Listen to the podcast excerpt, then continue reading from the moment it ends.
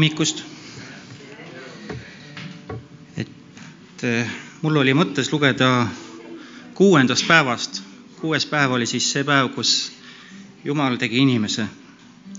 et kõik, eh, mis Jumal lõi, ta lõi sõna läbi.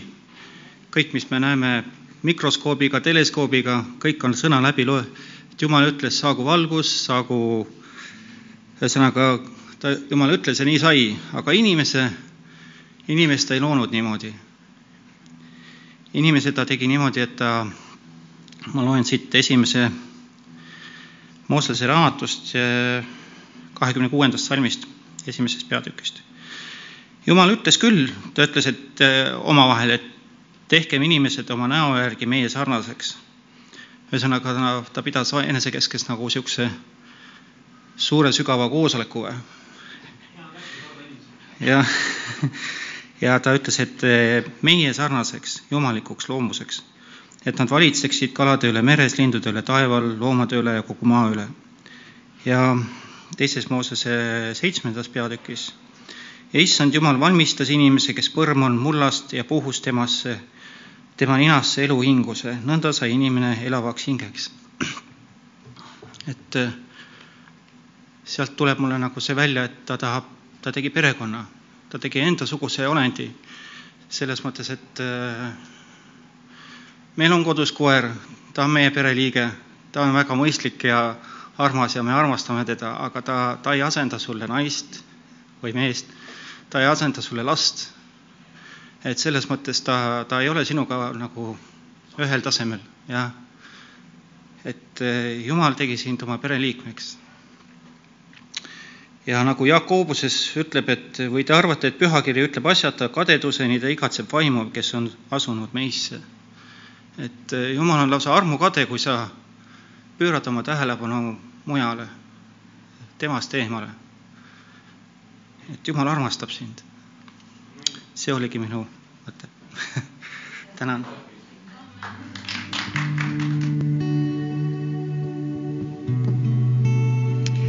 nii, äh, palvetame siis äh, alguseks koos ka. aitäh sulle, issand, selle päeva eest ja äh, me palume võib-olla sinu kätte kõik inimesed, kes võitlevad praegu mingeid võitlusi, kas haigustega, meie oma kogudusest ka. ja palume, et ole neile väga lähedal, et, et isegi kui nad vaatavad, kas seda ülekannet praegu või on mõttes meiega. issand, me õnnistame neid. tänu sulle. tänu sulle tõesti selle perekonna eest, et me võime olla tõesti nagu üks suur perekond ja, ja hoolitseda üksteise eest ja, ja mõelda üksteisele. tänu sulle, et sina oled meid kokku kutsunud.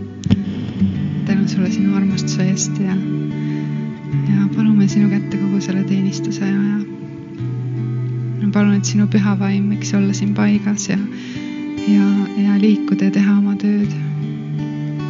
meie võiksime olla kui ühed astjad, keda sinu kasutad, Jumal.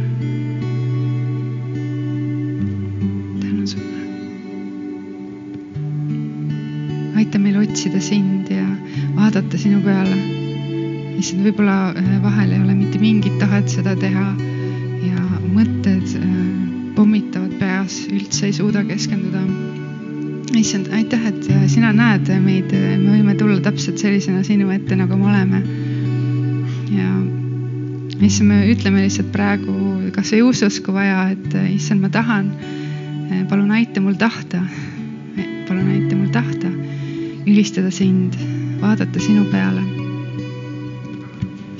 palume sinult armu ka selleks, Jumal sina oled kiitust väärt, tõesti. ja ülistust. ja sina oled meid enne armastanud. ja sina oled oma elu andnud meie eest. tänu sulle, Jeesus. halleluuja. tänu sulle, et koos sinuga me oleme rohkem kui võitjad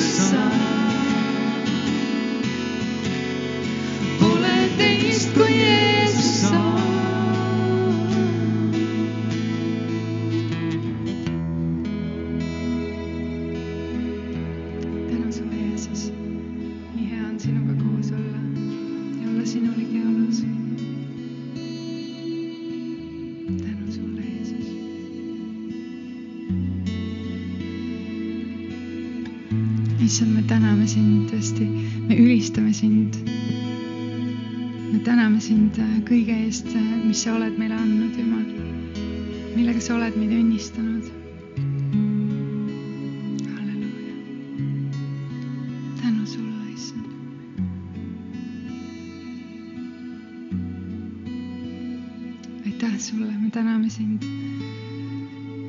oma kodude eest, issand, me täname sind oma rahva eest, oma riigi eest, oma koguduse eest, tänu sulle. me täname sind oma juhtide eest, Jumal. me täname sind oma pastorite eest. tänu sulle, et sina varustad meid kõigega, mida me vajame. me täname sind tervise eest. Aitäh sulle rahu eest ja rõõmu eest aitäh, et sina oled meiega, me ei ole kunagi üksi, et sinu osadus on meiega.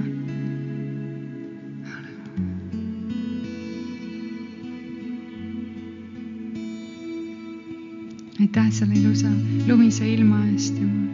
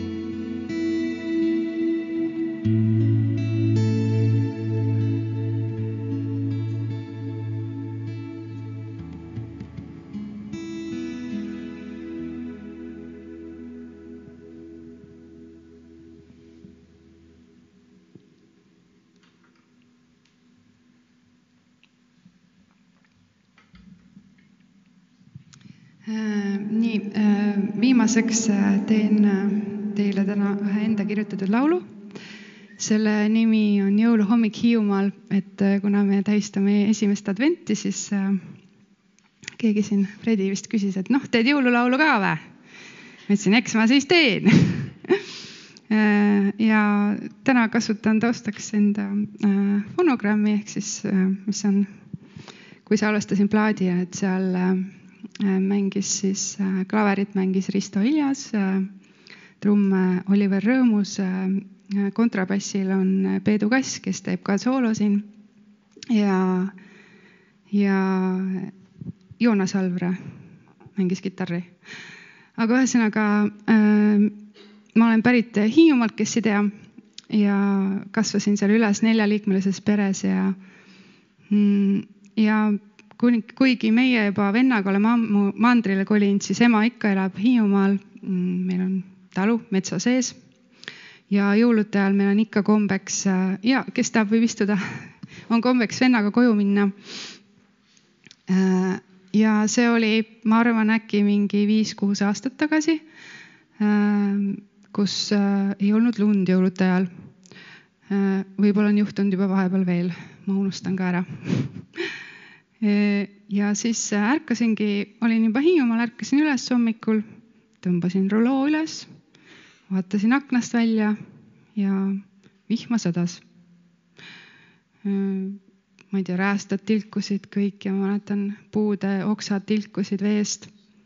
ja taevas oli sihuke hall. ja siis mõtlesin, et mis jõulud need nüüd siis on.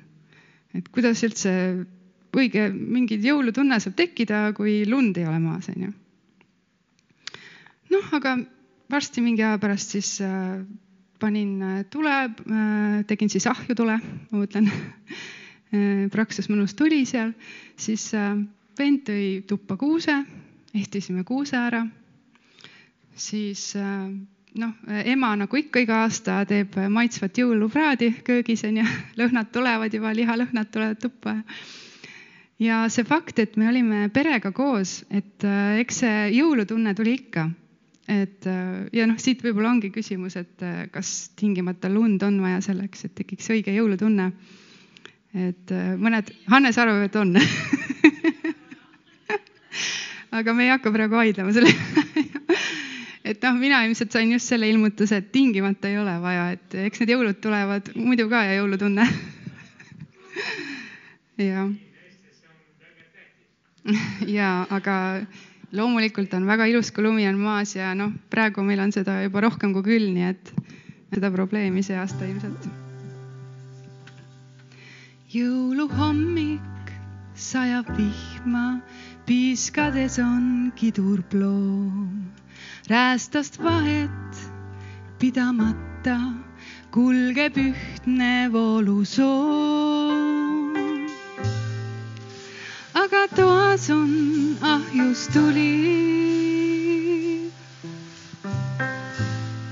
sees on soe ja ninna kuuseokste lõhnad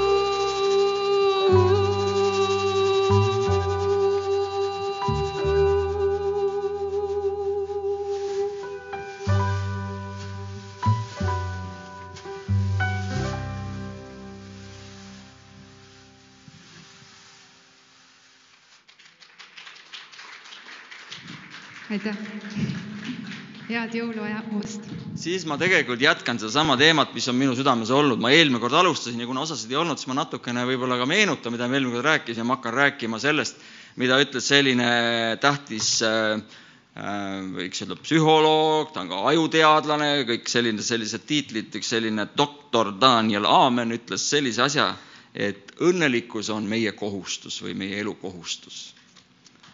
olla õnnelik see on meie kohustus. Ja ta rääkis seal paljudest asjadest, eelmine kord natukene siis puudutasime neid ja, ja, ja nüüd me täna jätkame seda, täna vaatame natukene ka piiblist, ähm, mõningaid kirjakohti, mida piibel räägib sellest. eelmine kord meenutasime seda või proovisime mõtiskleda selle üle, et ei tea, kas kristlased, keda meie tunneme, on nad siis sellised õnnelikud või rõõmsad inimesed. ja üldse selline asi, et ma pean midagi olema, ma pean olema õnnelik. kas ma ikka pean olema õnnelik? minu juurde tuli eelmine kord äh,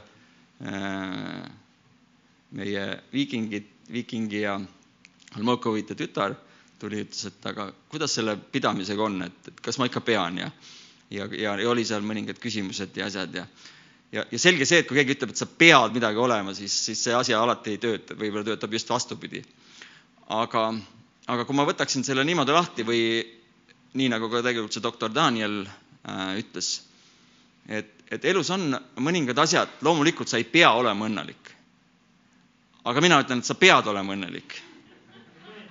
kui nüüd tuleb, see ongi, see on täpselt sama asi. Äh, kas hambaid peab pesema? kas mina pean hambaid pesema? mis see teie asi on? kas ma pesen või ei pese? see on, see on, on, vaata, vaata nüüd hakkab olema, okei okay,, siis see on täpselt sama asi õnnelikkusega. kui sina ütled, et ise tean, kas pesen hambaid või ei pese, keegi ei ütle mulle, mida ma pean või ei pea. kui sa elad omaette, seal kuskil oma kuudis ja sealt kunagi välja ei tule, minu pärast ära pese. ära üldse pese ennast, ära vaheta sokke ka, linnu ka ära vaheta. ma olen rääkinud siin sõjaväes, meil olid, äh, me, meil olid sellised tingimused seal Eesti Punaarmees, kui me aastal tuhat üheksasada üheksakümmend üks läksime esimesena Eesti siis Eesti esimesena sellise äh, vabatahtlikuna läksime siis Eesti armeed üles ehitama ja siis olime siinsamas Magasini tänaval. Äh, olime siis, äh, kogunesime, me olime kõige esimene, esimene, esimene Eesti punt, just venelased olid ära läinud, kõik segi peksnud, meil ei olnud talvel seal kütet ja ahjud olid puruks pekstud, pidime toorest toitu põhimõtteliselt sööma, mis iganes seal oli. peentang, ma tean mäletan, et vanemad andsid kodus, andsid sigadele sellist toitu, mida meie seal pidime sööma. aga see selleks, aga seal olid siis nii-öelda ju voodid ka selles ruumis, kolmsada poissi olid seal kokku tulnud, kõik suitsetasid samas kohas, aga aknaid ka kõik igal pool ees ei olnud või vähemalt osadel. nii et seal, kujuta ette, temperatuur oli seal nagu oli. ja siis eh, loomulikult olid meil need vanad reformvoodid, mis olid ka kõveraks hüpatud, et kui sa sinna peale lähed, siis sa magad niimoodi nagu, nagu siil. ja ja siis alguses meil linu ei olnud, me saime mingisugused rasvased eh, vilttekid, neid siis kühveldasime nii palju peale, kui vähegi saime. padjad olid mingisugused kaltsupadjad, noh, mis siis niisugused ka hästi koledad sitikatega võib-olla täidetud, natuke oli pehmem siis. ja kõige tipuks oli siis, kui me lõpuks need linad saime, siis eh, meil oli osa, osa vendasid, kes mitte kunagi oma linu ei vahetanud ja see lina, mis pidi olema valge, ei olnud ammu enam valge. see oli pigem nagu mustvalge ja siis me tegime ühele sellisele tüübile, tegime kambaka ja võtsime ta kinni ja viisime ta leotus sinna lihaleotusvanni kööki, et teda leotada natukene, sest ta ei pesnud ennast ka mitte kunagi. nüüd ma küsin, kas tema ütleb, et kas tema inimõigusi rikuti? ta ei pea ju pesema ennast, minu elu, ise tean, kuidas elan, sinu asi on. hammast, jah, jah kas ma olen oma venna õige, täpselt. see reegel, miks ma ütlen, et sa pead olema õnnelik, seesama, miks me ütleme, et sa pead hambaid pesema, sokke vahetama, on sellepärast, et kui sa puutud teiste inimestega kokku, siis meie saame osa sellest sinu asjast. ja ausalt öeldes ei tahaks. ei tahaks, kui inimene ei pese hambaid või, või lihtsalt haiseb või, või mis iganes. aga kujutage ette ka sellel samal, sellel õnnelikkusel on sellel on oma mõju ühiskonnas või seltskonnas või kus iganes sa viibid. et, et kui ma tulen tagasi ringiga nüüd või noh, me võime liiklus, liikluse tuua ka, liiklus on alati hea näide, et et kas liikluses on ka siis niimoodi, et et sinu, sinu asi on, mina sõidan, kuidas mina tahan. ma ei pea mitte midagi tegema, ma olen vabal maal, mul on oma auto, ma ise sõidan. siis me teame, mis juhtub, ei saa, on mingid reeglid, on mingid asjad, kui sa puutud teiste inimestega kokku, siis teised saavad ka osa sellest. No meil on kurbi juhtumeid küll ja veel olnud, kus, eks ju, alkoholijoobes olevad sõidukid või sõit, sõitjad, eks ju, autojuhid sõidavad kedagi surnuks, süütud inimesi, eks. no ja, ja, ja siis see kõik see, kõik see nii-öelda see, nüüd te saate aru, mis ma mõtlen, et see õnnelikkus on täpselt tegelikult selles samasse kategooriasse läheb. see ei ole päris ainult sinu asi, kui sa tuled siia. see ei ole ainult sinu asi, kas sa oled kurb, õnnetu, masendunud, depressioonis, kui sa elad oma perekonnaga, kui sa käid tööl, oled oma tööseltskonnas. see läheb kõigile teistele ka korda, see kõik mõjutab teisi ka ja kui meie ehitame siin oma kirikut, siis minu äh, ootus ja lootus ja soov ja ma arvan, et see ka, mis me siin ees teeme ja see on ka kindlasti ka Jumala ülesanne, et inimesed saaksid oma elud korda ja nad võiksid olla õnnelikud. see ongi see meie moraalne kohustus, olla õnnelikud, see ei ole ainult sinu isiklik selline valik. Või kui sa selle ikkagi valid, et mina olen täpselt nii ja nutan seal oma selles olukorras ja jäängi ja ma ei tahagi sealt välja tulla siis, siis, siis arvesta sellega, et siis ei ole seal üksinda siis. aga, aga niikaua, kui sul on raskeid hetki ja kui sul on olukordi, mis, mis on ületamatud, siis, siis tule ja, ja lase ennast aidata ja tegeleme sellega, jumal tegeleb sellega, meie aitame sind, inimesed aitavad, sõbrad, sul on kindlasti kedagi ja me kõik, kõik need asjad, mis me siin kirikus teeme, on need Toidupanga asjad või on need, või on need siis ütleme, need tänavatöö asjad Äh, siis, siis me tegelikult aitame inimesi just sellesama asja pärast, et nad saaksid, saaksid ka oma elu korda ja saaksid, võiks, võiksid ka vähekene seda rõõmu ja õnnelikkust tunda. eriti sellel jõuluajal, kus on nii palju masendust ja nii palju tuleb, tuleb jälle inimestel neid igasuguseid mõtteid, pahasid mõtteid ja ja seda üksildust ja üksildustunnet ja üksindust on nii palju, et et, et kindlasti meie ka kirikuna kogudusele proovime seda, eks ju, ka ju pakkuda inimestele, et tule ja siin hoolitakse sind, siin sa saad ikkagi olla kellegagi koos ja isegi kui sul ei ole kedagi, sa saad ikkagi leiad kedagi ja on sul mingi seltskond, kus sa võid tulla ja, ja kaasa lüüa ja, ja teha teisi õnnelikeks ja saada ise ka siis õnnelikuks. eile ma, mul oli, eile oli ka tore päev äh,. mul on need uued, uued poisid, kellega me läksime eile Kuressaarde võistlustele, väljasõit oli kuus kolmkümmend, noh nagu kalamees tõused ülesse, siis kui kõik laupäeva hommikul magavad, sina lähed. ja mul oli veel niimoodi ka, et mul oli kaks, kaks meeskonda, kuueteistaastased poisid Kestlinna omad ja siis Viimsi omad. ja siis, ja siis oli niimoodi, et nendel on kaks mängu seal mõlemal grupil ja pidi olema siis nii, et on ka teine treener, noh ja ongi teine treener, aga tema oli mingisugune muu oma teiste grupiga kuskil Lätis või Leedus või kuskil. Nii et asendust ei leitud, nii et ma pidin siis mõlemat, neli mängu olema siis treener. ja see nägi välja, noh, mõtled, mis siis ära ei ole olla, aga, aga see nägi välja selline, et kui sa siis ütleme viie ajal juba üles tõused, sõidad kõik sinna Kuressaarde ära hommikuvara muideks, ma ei tea, kas Ants oli ka seal või ongi praegu seal või? Ants on meil vist jälle praegu. Ants on ikka, Ants, Ants pani kaela kohe pikaks. nägin kohe, Antsel on väga pikk kael, siis peaks ju nägema, eks. Ja siis äh, me seal kuue paiku või seitsme ajal siis sõitsime sinna ähm, et ta teist punti peale võtma sealt Kalevi spordihalli juurest, siis sõitsime mööda, siis vaatasime, et buss jõudis, mis järjekord siin on, kuus, nelikümmend viis või seitse, null, null või midagi sihukest võis olla kellaaeg. pikk järjekord, laupäeva hommikul kell seitse mingisugune kogunemine, mingi järjekord, et mis asi see on, ma ütlesin, et aa, et see on, siin antakse neid, nendele siin süüa ja sooja riideid ja, ja ma ei tea, kas see oli see meie asi või oli, kes seal käis eile laupäeval? Partner? ahah, vot ja, ja siis, ja siis see päev nägi ka välja selline, et, et sõitsin sinna ja siis ma sain õnneks äh, esimest korda sain süüa siis seal äh, praamil siis oli, ma arvan, üheksa või midagi niisugust kopikatega. ja siis ma, kui ma jõudsin Saaremaale, siis ma hakkasid mängud pihta ja, ja mängud, need neli mängu, üks mäng kestab poolteist tundi, nii et ma olin kuus tundi olin järjest siis, olid ainult, ainult nii-öelda pidin olema treener seal, kui elama kaasa utsitama neid, vahetama, noh, ühesõnaga. ja siis seal kohas ei olnud süüa ka, kohe siis pärast seda edasi bussi tagasi, nii et ma sain äh,, sõin siis kell üheksa ja pärast äh, tulin, äh, üheksa tuli praam tagasi, nii et kaksteist tundi ma ei saanud praktiliselt mitte midagi süüa järjest aga siis seal olid seapraad ja hapukapsas ja seal laeval toit oli muidugi jube kallis, aga, aga siis ma äkki tundsin, oh, ma olen õnnelik. tead, kui hästi maitses kõik see lõhn, oleks vist võinud ogaraks süüa, eks ju.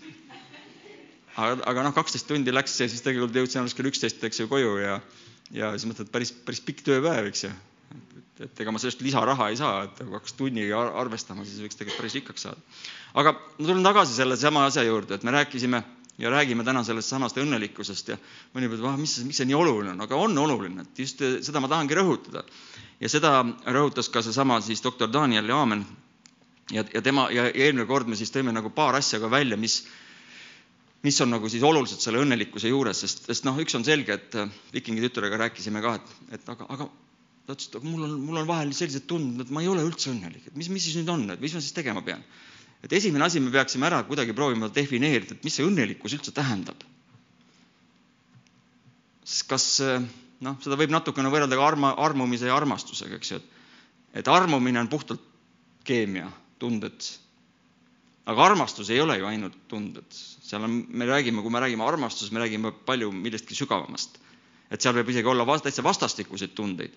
aga see ei tähenda, et inimene ei armasta kedagi, ükskõik mis siis, mis suhtes või tasandil ja tegelikult ma arvan, see õnnelikkuse, õnnelikkuse juures on ka oluline mõista, et, et see, kuidas sa ennast täna tunned, see veel ei, ei defineeri või ei määra ära, et kas sa oled tegelikult õnnelik või ei ole.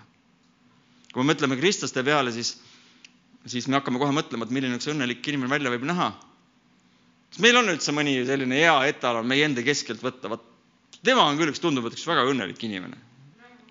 Leho kuigi psühholoogid räägivad, et need, kes on väga sellised koleerilised tüübid, kes on väga alt, alturistlikud tüübid, nüüd ma panen Lehole natuke puid alla.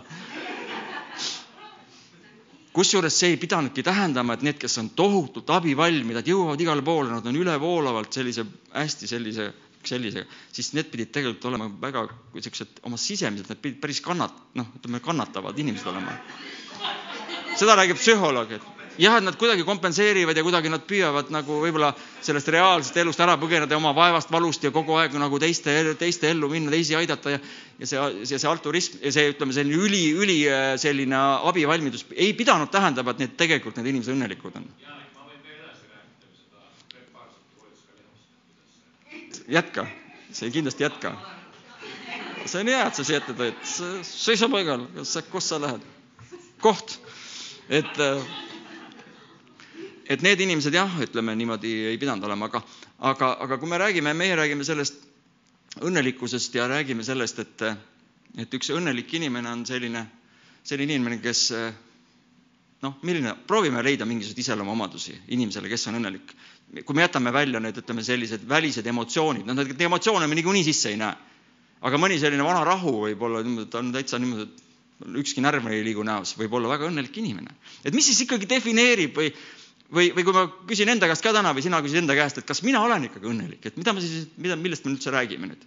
me ei räägi emotsioonidest. siis, siis, siis mis te, mis me võiksime välja tuua? üks asi on see, et sa oled iseendaga rahul. et kui sa vaatad hommikul peeglisse, siis sa ei tahaks virutada sellele. eks ka juba see on juba üks märk kindlasti, et on, on sunnik jälle piilub siin, eks, et lähed mööda, no siis ei ole vist, aga aga, aga ma kujutan ette, et kui ma mõtlen ise ka, et et päevad on ju väga erinevad ja mõnikord sa tunned ühtemoodi, mõnikord teistmoodi, aga aga ma kujutan ette, et kui inimesel on mingisugune siht, meil on, meil on eesmärgimees täna meie keskel, et Jumal on andnud meile ühe eesmärgi. ärme, ärme näpuga hakka näitama, aga see on sealpool kuskil. et kui, kui inimene elab nagu, nagu, nagu, nagu ma ei tea, ma ei tea, kes sööb, joob, magab, noh, öeldakse, et noh, suht mõttetut elu, et, et mingisugune nagu inimesel peaks, peaks olema mingi siht või mingi eesmärk või mingid mõtted. Õnn, lapsed on õnnelikud ja üks põhjus, miks nad on õnnelikud, on see, et nad äh, tihtipeale, nad ootavad midagi. Nad, nad ei suuda ära oodata, millal nende sünnipäev tuleb. või millal me läheme jälle sinna või teeme midagi seda või, või ja, ja mina mäletan neid hetki, nüüd ma enam ammu midagi juba ei oota. aga võiks oodata ja võib-olla saab midagi tagasi pöörata seesama doktor Daniel rääkis seda, et, et inimese ajus on olemas sellised retseptorid või sellised äh, naudingukeskused. ja kui sa liiga palju nii-öelda kogu aeg seda dopamiinilaksu talle annad, siis need retseptorid lakkavad töötamast. ma kardan, et ma võin endale selle diagnoosi panna. aga võib-olla hea, hea uudis võib olla see, et ma arvan ikkagi, et mul on tunded. vahel ma mõtlen, et mul ei ole tundeid. aga kõik ei ole veel kadunud, ma olen avastanud endast tunded ükskõik millised. ja siit ma võtan väikese lootuse kiire ja mõtlen, et äkki on nii, et äkki need retseptorid ikkagi taastuvad. kuigi aju mingid rakud ei taastu, väidetakse, närvirakud või midagi, võib-olla mõni on targem, aga ma eeldan ja, ja, ja kui ma seda aju nii-öelda suhkurga lolliks ei aja, teate, et suhkur, aju toitub suhkurust. suhkur ajab aju lolliks. ja siis sa oled õnnelik, seepärast et sa ja sa, sa arvad, et suhkur tegi, aga tegelikult see on trikk suhkur ei tee sind õnnelikuks, ta ajab lihtsalt aju lolliks ja see on nagu narkootikum ja ta tahab rohkem ja rohkem ja rohkem ja kui aju on loll, siis, siis alguses sa võid tunda, et sul on energiat, sul on jõudu, sul on vägevust, eks. no tegelikult ma saan aru, ülikooli eksamite ajal või, või millalgi noh, seda on vaja, seda suhkurlaksu, et sul pea töötaks või kohvilaksu või noh, ütleme. aga arvesta sellega, et kõigil sellel on hind ja see hind on see, et need retseptorid saavad kogu aeg pihta. Ja kui sa päevas annad üle kolme poole tunni, ütleme mingit ainult sellist naudingutegevust talle, ükskõik mis valdkonnas siis tegelikult need retseptorid lakkavad töötamast. ehk siis õnnelik inimene on see, kes teeb mingit head asja, saab selle oma laksu sealt kätte ja siis sa pead tegema midagi muud. Lähed, lähed teed midagi muud jah, kas sa siis lood midagi või no minu, ma mõtlesin, et vot see oli väga hästi äh, hea laul, ma kohe laulan pärast oma plaadi pealt ka uue laulu, mis ma just parasjagu lõin. tahate jah? No ideaalis on see, et me, me näitasime neid või tutvustasin lühidalt teile seda Blue Zone või siis need, need on need, see uuring, viimane, viimase aja uuring, mida nüüd hästi palju igal pool räägitakse, kõik teadlased äh, analüüsivad seda, et need on need rahvad, kes on kaua ja õnnelikult elanud, elavad kõrgeani, kes on pika elueaga ja, ja siis uuriti neid, et mis on siis need, ütleme, need äh, pikaealisuse ja õnneliku elu saladused ja siis nad käisid erinevates regioonides ja tegid need blue zone'id siis erineva, erinevates kohtades. ja ja, ja, ja, ja nende inimeste puhul seal üks, üks tavaline joon oli see, et seal tegid hästi palju asju toodi välja, aga üks asi, ütleme selle jutu jätkuks on see, et nad hästi palju tegid füüsilist tööd. ja noh, ütleme vanas eas just ütleme, see tööle otseselt võib-olla ei pea minema nagu raha eest tegema, aga siis olid sa aias või, või sa, või sa kaevasid või sa läksid karja seal loomadega mässasid seal. ühesõnaga, et, et, et see meie elus on kõik need asjad on niimoodi tehtud, et, et, et, et tasakaal elus on üks õnnelikkuse selline nagu võti. me teame, et kõik need head asjad, mis tegelikult on Jumal loonud ka meie jaoks head, kui sa liialdad sellega, siis see pöördub ja see muutub sinu vaenlaseks. ja vahel ma vaatan, ma siin eelmine kord vist ütlesin ka, et tegelikult me oleme nagu kummalised inimesed oleme. et meie ihu on teadlaste arvates siis, eks ju, geenikogumik, mis üritab ellu jääda, et see on siis definitsioon inimesest, kes see inimene on. no ütleme oma bioloogilises mõttes noh, kui jumalat nad ei usu või noh, siis, siis mingisugune füsioloogiliselt oleme me geenikogumik, kes tahab iga hinna eest ellu jääda. ja nüüd kõik see, mida meie ihu teeb meil, me räägime nagu kahe, me oleme nagu lõhestunud, me olemegi ihu, seal mina olen ka ju ihu, aga, aga nüüd me räägime nagu kõrvaltvaatajana iseendast. mida meie aju teeb, salatseb sind, tekitab mingeid asju, südametunnistus see keevitab meile, annab mingeid signaale meid, eks ju, premeerib ja mõidab, mõistab hukka ja proovib meiega kuidagi mingit diili teha. ja siis me töötame iseenda vastu, siis me saame aru, et aa, tegelikult tahab seda teha, tahab meid kaitsta, aga siis me töötame vastu. tegelikult päris nagu kummaline olukord, et inimene, me oleme ikka üks inimene oleme, et, et aga me avastame, et tegelikult nagu on on niisugune nagu, et nagu ihu teeks täitsa, elaks nagu oma elu, tal on mingi oma mingi salaplaan, mida ta nagu tahab ellu viia ja siis kas ta saab siis meid, siis noh, mis asi see meie nüüd on, teadvus või, kas ta saab siis meiega nagu kaubale või siis äh, pigem töötab meie vastu, üritab meid päästa, mingit tulekahjust kustutada, ennetada mingeid asju, eks ju, parandada, kui me oleme juba puusse, eks ju. tegelikult täitsa kummaline olukord, kui sa hakkad niimoodi mõtlema, et ihu elab nagu täitsa nagu omas mingisuguses rütmis, eks ju. tal on mingi nagu oma missioon või eesmärk, mida ta teeb ja meie siis oleme siis sellised, kes kas läheme sellega kaasa või saame sellest aru või, või ei saa. nii et need, äh, tagasi tulles selle õnnelikkuse definitsiooni juurde, ma kujutan ette, et üks õnnelik inimene on see, kes kui hommikul ta üles tõuseb, siis tal on hea meel, et on jälle uus päev ja tal on mingi mõte, mida ta selle päevaga teha tahab, tal on mingi eesmärk. tal on mingi ootus. tal on mingisugune soov või mingi asi, mis ta on enda sees mõelnud, et jess äh,. lastel on äh, väga raske magama minna, sest nad ei jõua ära oodata homset päeva. kuidas sinuga lugu on, kui sa magama lähed, mis sa mõtled siis? mul on olnud küll, ma, ma tean, mis mind õnnelikuks teeb, räägime natukene sellest. mis teeb mind õnnelikuks? mind teeb õnnelikuks see, kui ma panen õhtul magama, tean, et järgmine päev on võistlus. tuleb, ma teengi ju trenni sellepärast, et võistelda ja mulle meeldib võistelda, seal, sealt ma saan selle oma adrenaliinilaksu, nii et adrenaliinilaksuga on mul kõik korras, sellega ei ole probleemi. ja kui ma olen ära võistelnud, ütleme, vahet ei ole, mis võistlus see on olnud, korvpall või on siis olnud mingi muu spordiala. aga ütleme eriti korvpall, kui see kolm, kolm olen võitnud, vahet ei ole isegi mõni, kas ma olen võitnud või kaotanud, aga kui ma oma sooritustega jäin rahule või ei jäänud rahule, kui ma jäin rahule, ma ei saa veel magama jääda, mul on veel õhtul ka see adrenaliin üleval ja siis kõik see käib mul peas ringi teinekord tunde, tunde, tunde, sul on kogu aeg näed, ma ei taha mõelda, sest ma ei taha mõelda. siis tuleb jälle, sa näed jälle neid enda vaimu sinust põhimõtteliselt see kõik see mäng kerib sul uuesti nagu peas äh, ringi ja, ja sa ja siis sa mõtled, kas sa saad sind närvi, miks ma tegin niimoodi lolli otsuse ja mõni, aa vaat see oli küll, nägid, poisid nägite, mis ma tegin, vana, vanas eas veel, mis sa. ja siis ma panin ja siis ma tegin seal mingi oma punktirekordi või viskasin seal, ma ei tea, viis kolmest näiteks või. Et siis on hea tunne on sihuke, tunned, sihuke kindel tunne on niimoodi, ei hakka hüppama kohe, aga sihuke. et see on ainult üks asi, sport, mis veel, mis veel sind õnnelikuks teeb? mis on asjad veel, mis äh,. mis asi? jah, gratitude siinsamas, siin eelmine kord, kui me seda rääkisime, seesama, seesama inimene tõi välja see õn, tänutunne, ütleme, et me nüüd täna ka kuulsime, kui me tuleme ülistama, siis tegelikult see on ka üks tänutunde ju väljendamine. ja, ja eelmine kord ka, noh, ma ei hakka täna sellega väga pikalt siin peatuma, aga, aga et kindlasti üks õnnelikkuse sellise võtmesõna on see, et, et, et kui on ka raskeid hetki, siis kurat tahab alati, et me mõtleksime nendest rasketest hetkedest ja ta, ta puhub need alati need, need probleemid nagu suuremaks. on ju nii? aga jumalaga on niimoodi, et ja, ja mida jumal üritab, et jäta need mured siia, need mured on väiksed, lahenevad niikuinii ühel või teisel viisil. aga mõtle nendele asjadele, mis on head, mõtle nendele taevastele asjadele, mõtle seda, mida Jumal on sinu elus teinud, mõtle, mis on siis need asjad, mille üle sa oled õnnelik, mille eest sa oled tänulik. on sul neid asju? kui sa oled täna siin, kui sa oled, äh, liigud, ma isegi ei uuri, eks ju. hea küll, ta võib, ta võib, meil käis see, kes see käis, see jalutuse, mis ta nimi oli, jah? Ja, ja, ja õpetab, eks ju, näitab inimestele, kuidas on võimalik niimoodi elada, eks.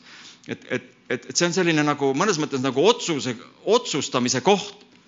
kas ma otsustan, et ma olengi siin vinguviiul ja ma näen kogu aeg igal pool negatiivset ja kui ma tulen siia ka, siis ma näen ka pigem nagu negatiivset kõigil, ma olen kriitiline, ma näen pigem probleeme, siis ma paisutan neid suuremaks. kindlasti märgin ära ka kõik need äh, probleemid, et inimesed saaksid ikkagi teada, et, et mis sinu probleemid on. Või oled sa selline, et, et hoopiski, et tegelikult on ju kõik väga hästi. täna meil püssid ei paugu õnneks. siin meil olijatest ma loodan, et kellelgi ei ole ka veel mingit surmadiagnoosi saanud ja kui ma sellega peaks ka kunagi saama, ma leian ka siis sel hetkel, et okei okay,, niikaua kui ma olen siin elus veel, siis ma leian ka siis veel, et mul on igal päeval, igal tunnil, millal ma hingan, isegi võib-olla kui valus on mõnikord, ma leian ikkagi millegi eest, mille eest ma olen tänulik. kui sa oled lapsevanem, no mis teeb meid õnnelikuks, meie laste edulood, mis iganes tasandil. kui nendel läheb hästi, siis lapsevanemad, vanaemad, vanaisad oma lastelaste pärast nii palju on, on mille eest olla tänulik, eks. siis, mis on veel, mis, mis seda tänu, tänulikkust äh, või, või mille eest võiks tänulik olla? kui me toome ka selle vaimuliku poole sisse, siis, siis kristlasena, eelkõige jumala lapsena, mitte pastorina, aga, aga kristlasena, mind teeb õnnelikuks see, kui ma olen kuskil olukorras, ma saan aru, et Jumal on mind kasutanud see on minu jaoks üks kõige suurem niisugune selline õnnelikkus, sest, sest, sest see konkreetne asi, kui selline asi peaks juhtuma, siis sa saad aru, et Jumal on sind kasutanud kellegi inimese elus. muidugi selleks sa pead ka kodust välja tulema ja Leho on jälle siin, võtame Leho jälle ette. Meil on olnud siin olukordi küll, eks ju, meil oli sõber Arno siin, eks ju, või kui palju Leho läks ja kui palju ta võttis vaevaks, sõitis, vedas, isegi mõnes väga lootusetus olukordades. Aga Jumal, Jumal kasutas Lehot, Lehol oli see empaatiavõime, see kaastunne, halastus, kõik, mida ta viis edasi. kas sellest saab midagi, kas sellest saab edulugu, kas see inimene saab abi, aga ta näeb, et keegi hoolib tema enda südames, võib-olla ta saab aru, et kui, kui kõik on ka mind maha jätnud, siis ometigi Jumal, vist sina ei jäta mind maha, sest sina oled saatnud mulle kristlasi, õdesid ja vendasid, kes toetavad ja aitavad mind raskel hetkel. ehk siis selleks, et Jumal sind kasutaks, sa pead ka välja astuma meie kirikus on see tava, et, et me ütleme, et me ei taha, et keegi ainult siin oleks nagu klient, keda meie teenindame. sa maksad oma obroki ära, eks ju, ja siis ütled, et nüüd ma tahan täisteenust saada. lastetöö, muusika, õdusus, kenad inimesed, pestud hammastega naabrid. olgu olla, kui ei ole, ma leian, muu koha, eks. pigem on see, et keskendu sellele, et kas sinul on ka mingisugune kutse või eesmärk ka kristlasena, koguduse liikmena, missiokoguduse liikmena, kes on missioonile kutsutud. ükskõik, milline siis on ja see võib ka muutuda. mine ka proovi võib-olla ka mõningaid erinevaid valdkondasid, löö kaasa, sa sa hakkad välja andma, mida ütleb piibel nendest asjadest. kui sa annad välja, kes kastab teisi, see saab mida? ise ka ämbriga pähe, eks ju. oo, see on suur nauding, minu üks suuremaid naudinguid on saunas, tuled, lähed külma vette pärast sauna näiteks. spa, kui vahel oleme käinud seal, see välibassein, kui sealt oled sa seal selle saunarituaali ära teinud, seal on mingisugused, viimses spaas on need mingisugused kümneminutised rituaalid, kus sa viheldakse ja siis seal tehakse igast asju. ja siis sa saad minna pärast siis sinna äh, külma vette, siis on mõnus, sina käid ka jälle, eks ju. sul on ikka neid probleeme nii palju, sa pead nii paljudes valdkondades tegema, et seda positiivselt nagu esile tõsta. tunnen sulle kaasa, Leha. aga jällegi, need on niisugused, kas Jumal sind kasutab? kas sa oskad öelda, millal Jumal sind on kasutanud? mul on sulle üks äh, prohveteering, Jumal võib sind täna kasutada siin, kui pärast räägime omavahel, ole avatud, äkki jumal tahab midagi öelda sulle, võib-olla tahab, et sa võiksid kellelegi teisele midagi teha. mitte öelda negatiivset jälle. Viivik, Viivik on muidu päris hea laul oli, mina oleks selle alguse osa oleks natuke niisuguse väikse vindi peale keeranud rohkem natukene. et kuidagi nagu noh, nad on niimoodi nalja, aga tegelikult nalja sees võib ka tõde olla, nii et ma olen väga ettevaatlik praegu. Ma teen päriselt nalja, ma ei jaga, tegelikult võib-olla jagan ka, ära sa ütle. ma mõtlen, ma hakkan nüüd meenutama täpselt, mismoodi see laul üles ehitatud oli. et meil on paar korda, kui me oleme käinud alfakatega väljas ja oleme palvetanud seal, me rääkinud pühavaimu teemadel ja, ja näiteks kui ega muidugi ma võin puusse ka panna, aga kui sa, jumal annab sulle mingi sõnumi näiteks või, või kui sa palvetad, ta annab sulle mingisuguse asja, mida öelda, sa isegi saad aru, et see on kuidagi nagu imelikult tulnud, et ja siis sa ütled selle välja ja pärast inimesel võib-olla on silmad märjad või ja, ja, ja, ja sa tõesti saad aru, et, et see ei olnud sina, sest sa ei tea neid asju võib-olla mõnikord. ja kui sellised asjad juhtuvad või kui sa oled palunud ja pärast tõesti see inimene tuleb ja ütleb, et ma olen terveks saanud. meil on selle Marek Maidoga, me saime siin, kes siin andis mulle seda lugeda? Me oleme palvetanud selle ajukasva või ütleme, kes tal oli, tal on praegult olnud selline väga mingisugune, eks, Vaho, mis ma ütlesin? Maido, sorry. Need on Maido, Maido, Maido, kui sa meid kuuled, vaatad, sorry. Vaho, muidugi, Marek Vaho. oleme tema pärast palju palvetanud, et, et, et tal see, ma ei tea, kas operatsioon oli või, või oli vist ära, eks. aga tal oli nüüd praegult, kes mulle seda teksti näit-, jah, tahtsid öelda? Urmas annab, okei okay,, nii et siis jällegi sellises olukorras, ma ei tea täpselt, mina ei ole teda näinud, aga, aga ta on tohutult nagu muutunud mees, tal on mingisugune tohutu vaimulik kogemus olnud ja, ja kõik ütleme see, mis seal praegu tema elus toimub, see, seda siis kuuleme pärast võib-olla Urmase käest. aga jällegi äh,, usu mind, kui sina satud sellisesse olukorda, ma usun, et needsamad suured jutlustajad, kes on, käivad mööda maad ja näevad, me teame neid igast tervendusevangeliste, et seal on hästi palju sellist ka tagasi, taga, ka tagakiusu ja, ja vaenlase rünnakuid ja ja kindlasti palju ka segadust ja, ja, ja igasugust sellist rasket koormat, mida sa pead kandma. aga, aga ma usun, et kui, kui, kui tuleb jälle mõni inimene, kes ütleb lihtsalt siiralt, ütleb aitäh, et sa minu eest palvetasid, sel hetkel, kui te palvetasite, ma läksin koju, ma läksin oma arsti juurde ja see haigus või see valu või see häda oli kadunud. siis sa, siis sa saad nagu niisuguse õnnelikkuse tunde enda sisse. et jess, et ma ei tee mingit tühja tööd, et me ka siin ütleme, paneme hirmsaid rahasid siia alla, remonti, kõik see, see ei ole ju ainult meelelahutus, mida me siin teeme meil oleks ju veel mingeid asju teha. võiksime olla kuskil mujal näiteks. mõnele, mõnele meeldib teatris käia, mõnele meeldib raamatut lugeda, mõni, mõni on üliõnnelik, kui ta kala kätte saab kuskilt. mõni, mulle meeldib näiteks, ma sain näiteks, ma sain ühe hea kala kätte, ma sain äh, sealt äh, uuskasutuskeskusest. see, see on minu kala. Ma vaatasin, et ma läksin sinna, ma sealt aeg-ajalt käin, ma käin nii-öelda kalal mul on üheksakümmend protsenti kõikidest, kõik riided, mis ma kannan, on taaskasutusest paari euroga ostetud. ja ma sain ühe kala kätte viimane kord. ma leidsin need kingad sealt. nad, nad näevad välja väga imelikud, ma ei tea, kas ma neid kandma kunagi hakkan. ma saan sellised prantsuse õukonna kingad sellised, võib-olla ma jõulupeole tulen nendega, et siis te võite vaadata, tead, ma pean vastavalt tõnk, siis tahaks niisugust muusikat ka mu jõulupeole saada, siis sobib. tup-, tupsud ja kõik, mis on, parukad ja lokid. ja siis ma, ma vaatasin, nad näevad kahtlased välja, ma, mul on juba vilunud silm, ma tean, mis on kvaliteetne, kvaliteetne ese või asi. ja siis ma kodus siis guugeldasin, panin selle niimoodi äh, selle kinga nii-öelda firma sisse, mingi prantsuse kingad ja sealt ja siis ütleme, need praegused mudelid, seda mudelit muidugi ei olnud seal, aga aga need al, al, al, alust või ütleme, need kinga hinnad algasid kuuesajast eurost ja läksid tuhande euroni. nii et ütleme, see konkreetne firma alla kuuesaja euro kingi ei ole olemas. ma sain kahe euroga need. jess, ma ei tea, kas ma kunagi kannan neid, aga ma sain kala kätte, siukse suure pirakakala. ma lähen kahe euroste kingadega, mis on peaaegu tonnised kingad, lähen linna peal laiama. ja, ja nüüd ma olen õnnelik sest mõtle, on rumalad inimesed, maksavad tuhat. Mina võin kahe euroga samamoodi sama kõva mees välja näha. on ju, õnnelikkus suhteline, muidugi noh, muidugi keegi on ju sellest maksnud ja kindlasti nad on kvaliteetsed ja seal on tööd ja seal on käsitöö ja kõik täisnahad ja kõik asjad, eks. aga ma arvan, mul on siin veel neid mõttekaaslased, kes, keda siuksed asjad õnnelikuks teevad ja siis kogunevad need igasugused suured kalad ja väiksed kalad jälle kilekottidesse siis saab jälle sinnasamasse poodi viia need mida me pole kunagi kasutanud või ära anda siia tänavatööle või, või kes siin iganes kogu. Seepärast mul on peaaegu iga kord on uus jakk seljas, et aga te ei, te ei pea teadma, et see on kahe eurost ostetud, eks ju. no näeb hea välja küll, pole hilja ja no vot. aga see teeb mind õnnelikuks. aga mind teeb muidugi palju rohkem õnnelikumaks see, kui Jumal mind kasutab siin või seal aga mis mind ei tee õnnelikuks, proovime nüüd natuke mõelda teisi asju ka, oleme natuke kriitilised ka nüüd enda suhtes, et mis, mis asjad on, mis võtavad või proovi võtavad meilt see õnne, õnne ära või selle õnnelikkuse ära. ja me ei räägi ainult tunnetest, me räägime nüüd sellest tõesti, et kas, kas inimene, kas inimene on õnnelik või ta ei ole.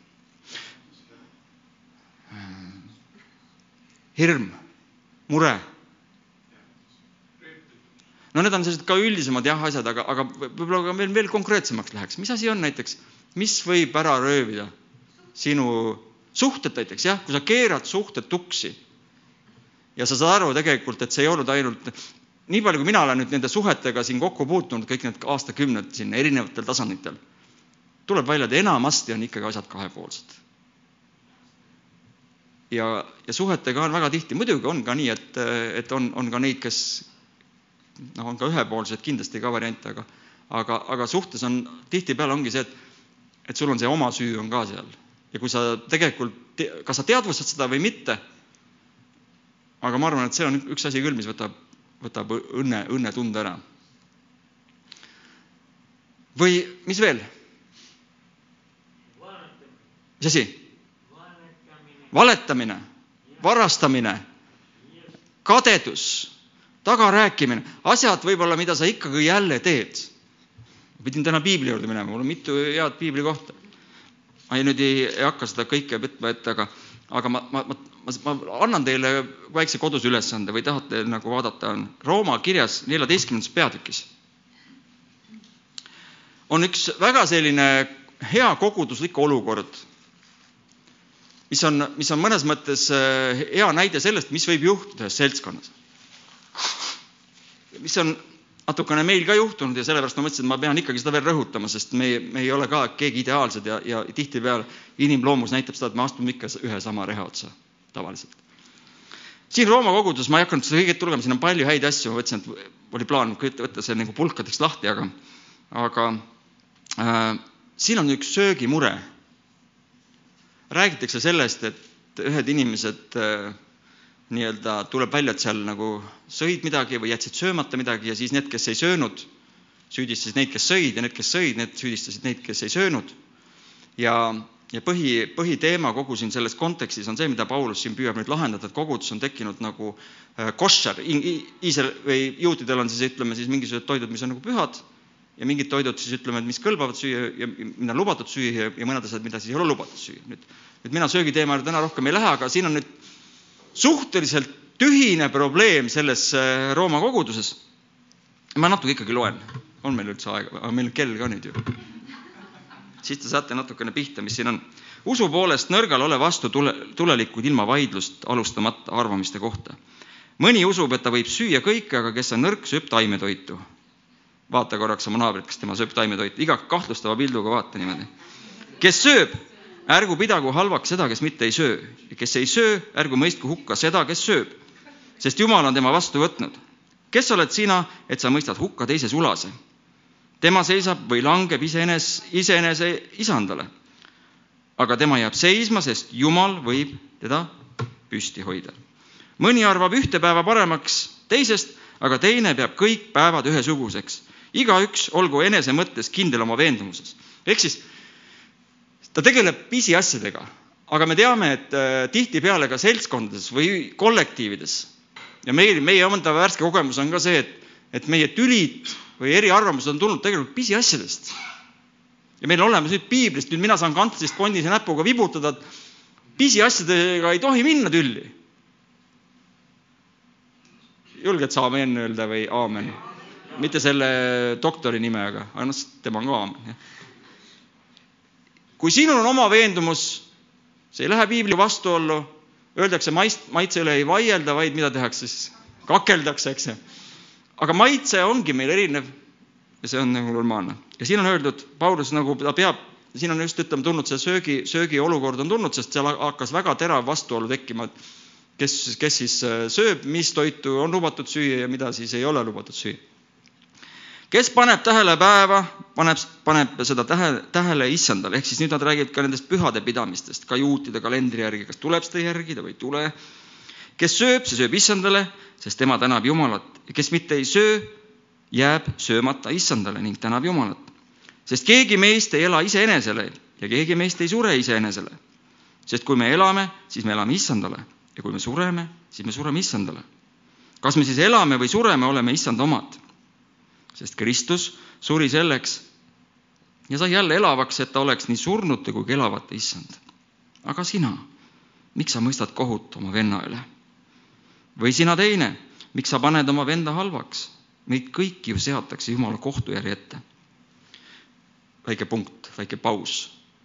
mind teeb õnnelikuks, ma kogu aeg, kui ma loen tekste, mis mind teeb õnnelikuks? kõige rohkem teeb mind õnnelikuks see hetk, kui ükskord ma olen Jumala ees ja kui ta peaks mulle ütlema, hästi tehtud, sa hea ja ustav sulane. see on nüüd see kõige, kõige, kõige, kõige, kõige, kõige, kõige kaugem ja kõige tähtsam eesmärk tegelikult kogu see meie elu peaks olema sihitud või suunatud või ettevalmistus selleks hetkeks. ja see hetk on kõige õnnelikum hetk sinu elus või teises elus, kui see peaks juhtuma. ja sul ei ole täna veel mitte mingisugust garantiid, et see nii on, et sinule just öeldakse, et hästi tehtud, sa hea ja ustav sulane. Kui me oleme oma väikeste asjadega või halvasti ütlemistega või mis iganes veel, omaenda maailmavaate peale surujad teistele ja siis läheme tülli, noh, siis, siis ei ole, selles kontekstis ei ole see nagu, eks ju, see, mis, mis meid ette valmistaks selleks Jumala kohtujärje ees olemiseks. sest on kirjutatud, nii tõesti, kui ma elan, ütleb issand, minu ees peab nõtkuma iga põlv ja iga keel peab tunnistama Jumalat. nii, ma olen õnnelik siis, kui ma olen alistanud oma elu Jumalale see tähendab seda ja see eeldab seda, et üks õnnelik inimene peab õppima olema alandlik. seda loen mina siit välja. ma tahan ennast valmistada ette Jumala kohtujärje minemiseks ja sealt positiivse tagasiside saamiseks, siis ma pean õppima siin elus olema alandlik. Ja õppima, et ma päriselt ka alistan ennast Jumalale. kas ma olen täna sada protsenti ennast alistanud Jumalale? vastus on ei ole. kas on asju täna, kui ma mõtlen mis vajaksid veel muutmist? aamen, päris kõvasti. kas ma olen oma elus kõik võidud juba kätte saanud? vastus on ei ole. kas võitlused jätkuvad? jah, jätkuvad. mida ütleb meile piibel?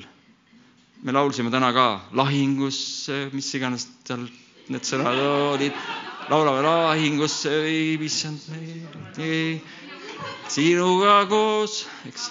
Ma võitlen kõiki võitlusi, eks õnnelikud inimesed pidid olema need, õnnelikud inimesed pidid olema need, mitte need, kes kunagi lahingusse ei satu, vaid need, kes võidavad, kes võitlusest väljavad võitjana.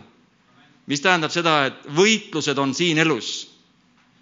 kas siis füüsilises mõttes või vaimulikus mõttes, need on paratamatu olukord, siit me ei saa, me ei saa, me ei saa valida neid, kas need tulevad või ei tule. me oleme täna pisikesed, väiksed, abitud inimesed, me ei tea, mida suur naaber teeb, näiteks. ja see võib tulla. aga siin, siinkohal me ei saa midagi teha, aga kus me midagi teha saame, on meie vaimulikud võitlused. Needsamad valikud, mida me räägime, need, needsamad asjad, mida me nimetame siis alistumiseks, et kas ma olen alistunud kogu oma elu Jumalale või ma olen alistunud ainult mõned. kas ma olen siiras või olen ma mingis osas või mingis valdkonnas silmakirjalik? me kõik teame, kõik teate oma enda lugusid. kui sa täna paneks, kui täna pandakse sind nii-öelda siia prožektorite alla, sina oled siin püsti, prožektorid on sul peal, Jumal istub seal. ootame siis nüüd, kelle me võtame? Kes veel ei ole saanud? Fredi, ootame Fredi elulugu. alustame. sünd, oi raske sünd oli. Lähme edasi, seda ei vaata, siit lähme edasi. nüüd sündis Fredi poiss, kolm koma kuus või palju sa olid? selline natukene niisuguse krimpsus ninaga. jah, ja niimoodi vaadatakse üle kogu sinu elu röntgeniga, kõik sinu mõtted, kõik sinu teod. väike lohutus, ära nüüd kohe pikali kuku, väike lohutus on see, et kui sa oled siiralt midagi andeks palunud, kui sa oled midagi halvasti teinud, siis need on sealt puhastatud. vähemalt me usume seda, meil on selline evangeelium, meil on selline lootus, et Kristuse veri puhastab meid kõigist ülekohtust, kui me oleme andeks palunud tema käest. aga see, et sa oled andeks palunud, ei tähenda veel, et sa andeks oled saanud, kui sa ei ole seda teinud siiralt, tahtes oma elu muuta ja parandada. mina olen kindlasti palunud Jumala käest andeks asju, mis ma tegelikult oma südames tean, ma ei muuda neid asju, vähemalt ma ei taha neid muuta ja siis mul palve peaks muutuma, mitte see, et Jumal äh,, ma ei palu selle olukorra pärast, vaid ma palun iseenda pärast. oma kõva südame pärast või oma kalkuse pärast või oma suutmatuse pärast või tahtmatuse pärast. Jumal, muuda mind, murra mind. mõnikord vaata see murdmine. me siin mõnikord mõtleme, et kas Jumal tõesti laseb meil minna läbi nendest rasketest olukordadest. jah, mõnikord laseb, sest me sunnikud muidu ei murdu ja ei ole valmis muutuma see on kahjuks tõde. muideks, teate, et valu on ka antud meile õnnistuseks. valu on ka Jumala poolt antud meile, sest kui, kui inimene valu ei tunneks, siis me oleksime varsti kõik äh, saja luumurruga pikali maas. ja teeksime üksteisele ka haiget. sest on kirjutatud, nii tõesti, kui ma elan, ütleb issand, minu ees peab nõtkuma iga põlv, iga keel peab tunnistama Jumalat nõnda tuleb meil igaühel aru anda iseenesest Jumalale. ärgem siis enam mõistkem kohut üksteise üle, vaid pigem otsustagem hoiduda saamast vennale komistuseks ja pahanduseks. ma tean ja olen veendunud issandas Jeesuses, et midagi ei ole ebapüha iseenesest, vaid on ebapüha üksnes sellele, kes midagi peab ebapühaks. aga kui sinu vend saab nukraks roa pärast siis ei käi sina enam armastuse järele. ära saada hukka oma, ära saada hukka oma roaga seda, kelle eest Kristus on surnud. sellepärast ärgu saagu hea, mis teil on pilgatavaks. sest, nüüd tuleb see kuulus kirjakoht, mida meile meeldib tsiteerida, sest Jumala riik ei ole mitte söömine ja joomine, vaid õigsus või õigus ja rahu ja rõõm pühas vaimus, nii et siin juba väike küsimus või noh, ütleme vastus, kas kristlased võiksid või peaksid olema rõõmsad? no võiksid küll ja peaksid ka, sest Jumala riik on rõõm. Kristus oli kõige rõõmsam, öeldi, et teda oli võitud rõõmulliga rohkem kui tema kaaslased. rõõm issandas on meie tugevus. kui ma mõtlen kristlaste peale, eelmine kord ka rääkisime, kui palju sa tead õnnelikke kristlasi või rõõmsaid kristlasi, siis neli, täpselt, mul neli pool. jah sest kes neis asjus orjab, sa ei ole enam ori, aga vaat neis asjus võiksid sa olla ori. teenib, jah, noh, teenib, orjab, teenib, teenib, ehk sa teed siis selle tahtmist.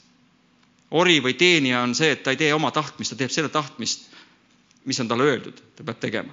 ja siis antud hetkel Jumala riik, nüüd sa peaksid olema siis Jumala riigi teenija ja teenima neid asju, mis Jumala riigis on, et siis, mis siin oli, oli siis õigsus, rõõm ja rahu, ehk siis need on need, mida sa peaksid enda ellu kindlasti nagu saama. peaksid, jälle ma rõhutan, peaksid. ja mitte ainult enda pärast, vaid sinu naabri pärast, minu pärast, meie pärast. sest kui siin on hapud ja näod inimesed kogu aeg või, või sasipuntras inimesed, kes ei saagi oma eluga edasi, siis kõik see hakkab seda õhkkonda või see hakkab mõjutama meid ka. ja kui sulle öeldakse halvasti, siis hakkad ise ka halvasti ütlema tihtipeale või sa ei suuda nagu alati ise olla õnnelik siis, kui keegi sulle kogu aeg halvasti midagi ütleb. siis hakkad ise süüdistama ennast või mida iganes juhtub. siis taodelgem nüüd seda, mis läheb tarvis rahuks ja vastastikuseks parandamiseks. ära riku roa pärast, ära riku roa pärast Jumala teost. kõik on küll puhas, aga paha on see sellele inimesele, kes sööb pahandusega. hea on liha mitte süüa ja viina mitte juua. Hannes, ära joo viina rohkem ja ma ei, kindel või? minu piibel, my bible says it's vodka. hea on jah, siis veini mitte juua ja mitte teha seda, mis su vennal on komistuseks.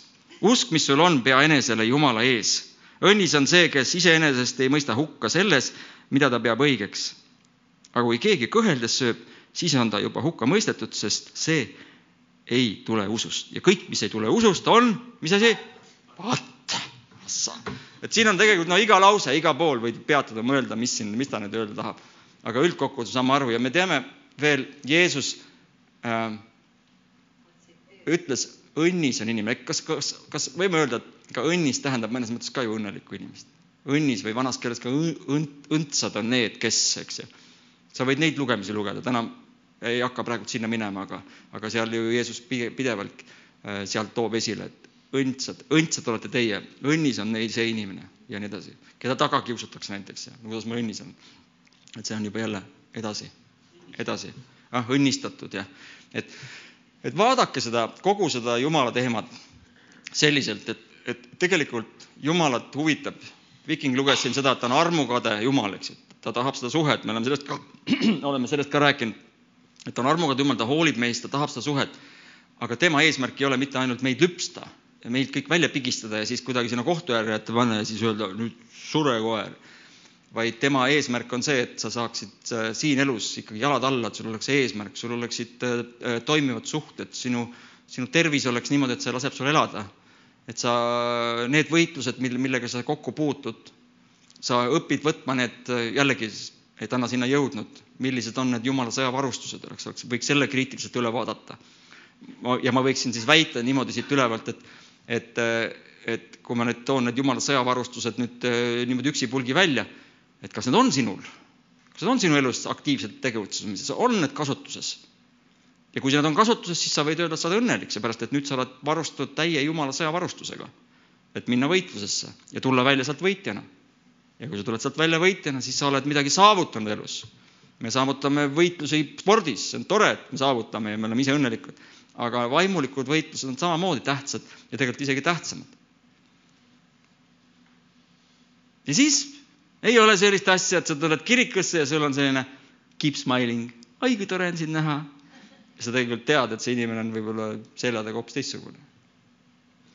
vaid et mida mina tahan näha ja mida Jumal tahab näha, mida sina tahad näha, kindlasti on see, et kui keegi siin sinuga räägib ja ta on kena, siis on siiras. et need suhted, mis siin on, on siirad. ja selle nimel jätkame töötamist. ja jäta meelde seda siis, et kokkuvõtteks, et õnnelik olemine ei ole mitte sinu valik, et see on sinu kohustus. see on üks sinu elu eesmärk, et sina pead olema õnnelik. sul peavad olema ka hobid. sul peab olema ka isiklik elu sest me oleme näinud seda teist kraavi ka, kus kõik teevad ainult päästavad maailma ja on nii vaimulikud ja, ja neil tegelikult oma isikelu on täiesti katki. Neil pole ühtegi asja võib-olla seal, mis seda rahulolu nendele endale annaks enda oma elus. ja siis lähedased ka lähevad metsa. aga tänu Jumalale, ma usun, et meie asjad ei lähe siin metsa, vaid me kasvame ja, ja, ja kõik, mis me siin teeme, teeme selleks, et sina võiksid olla õnnelik ja et me võiksime teisi teha ka õnnelikuks läbi selle, mis Jumal meiega teeb. olete nõus? aamen tõuseme siis ja äkki me teeme selle lõpupalve sinna, issand issand, see on ju hea sõnum, see ongi see rõõmusõnum, mida me kuulutame, et sina hoolid, sina armastad, sina kutsud meid suhtesse, sina ähm, ei mõtle ainult iseendale, et sina tahad, et, et mingisugused sulased või inglid või, või sinu lapsed sind ülistaksid. et see ei ole selline isiklik, isik äh,, selline isekas soov. vaid me teame, Jumal, et, et sina hoolid meist reaalselt ja sa oled terve selle piibli meile andnud, kus me võime õppida seda, mida me peaksime tegema, et nendes lahingutes, mida elu meile siin toob ja mida vaenlane meile toob, et me võiksime sealt nendest lahingutest väljuda võitjana ja õnnelikena. ja me palume täna, Jumal, igaühe meie olukorrad sinu kätte, me teame, et vahel on nii, et keegi tuleb siia ja tal on võib-olla kõige õnnelikum päev, sest lapsel tuli esimene hammas näiteks või mis iganes asi võiks olla, mis on selle inimese rõõmsaks teinud ja ta tuleb siia. Ja keegi teine on võib-olla just äsja matnud oma lähedase. Ja veel see kurbus on hinges ja, ja tühi tunne ja, ja, ja, ja või on mingisugune diagnoos või, või, või mis iganes maadlemine, millega sa ei saa ega saa ega saa, saa hakkama. Ja sul on endaga juba igasugune lootus kaotanud, siis Jumal, täname ka koguduse, hüüame appi sinu nime.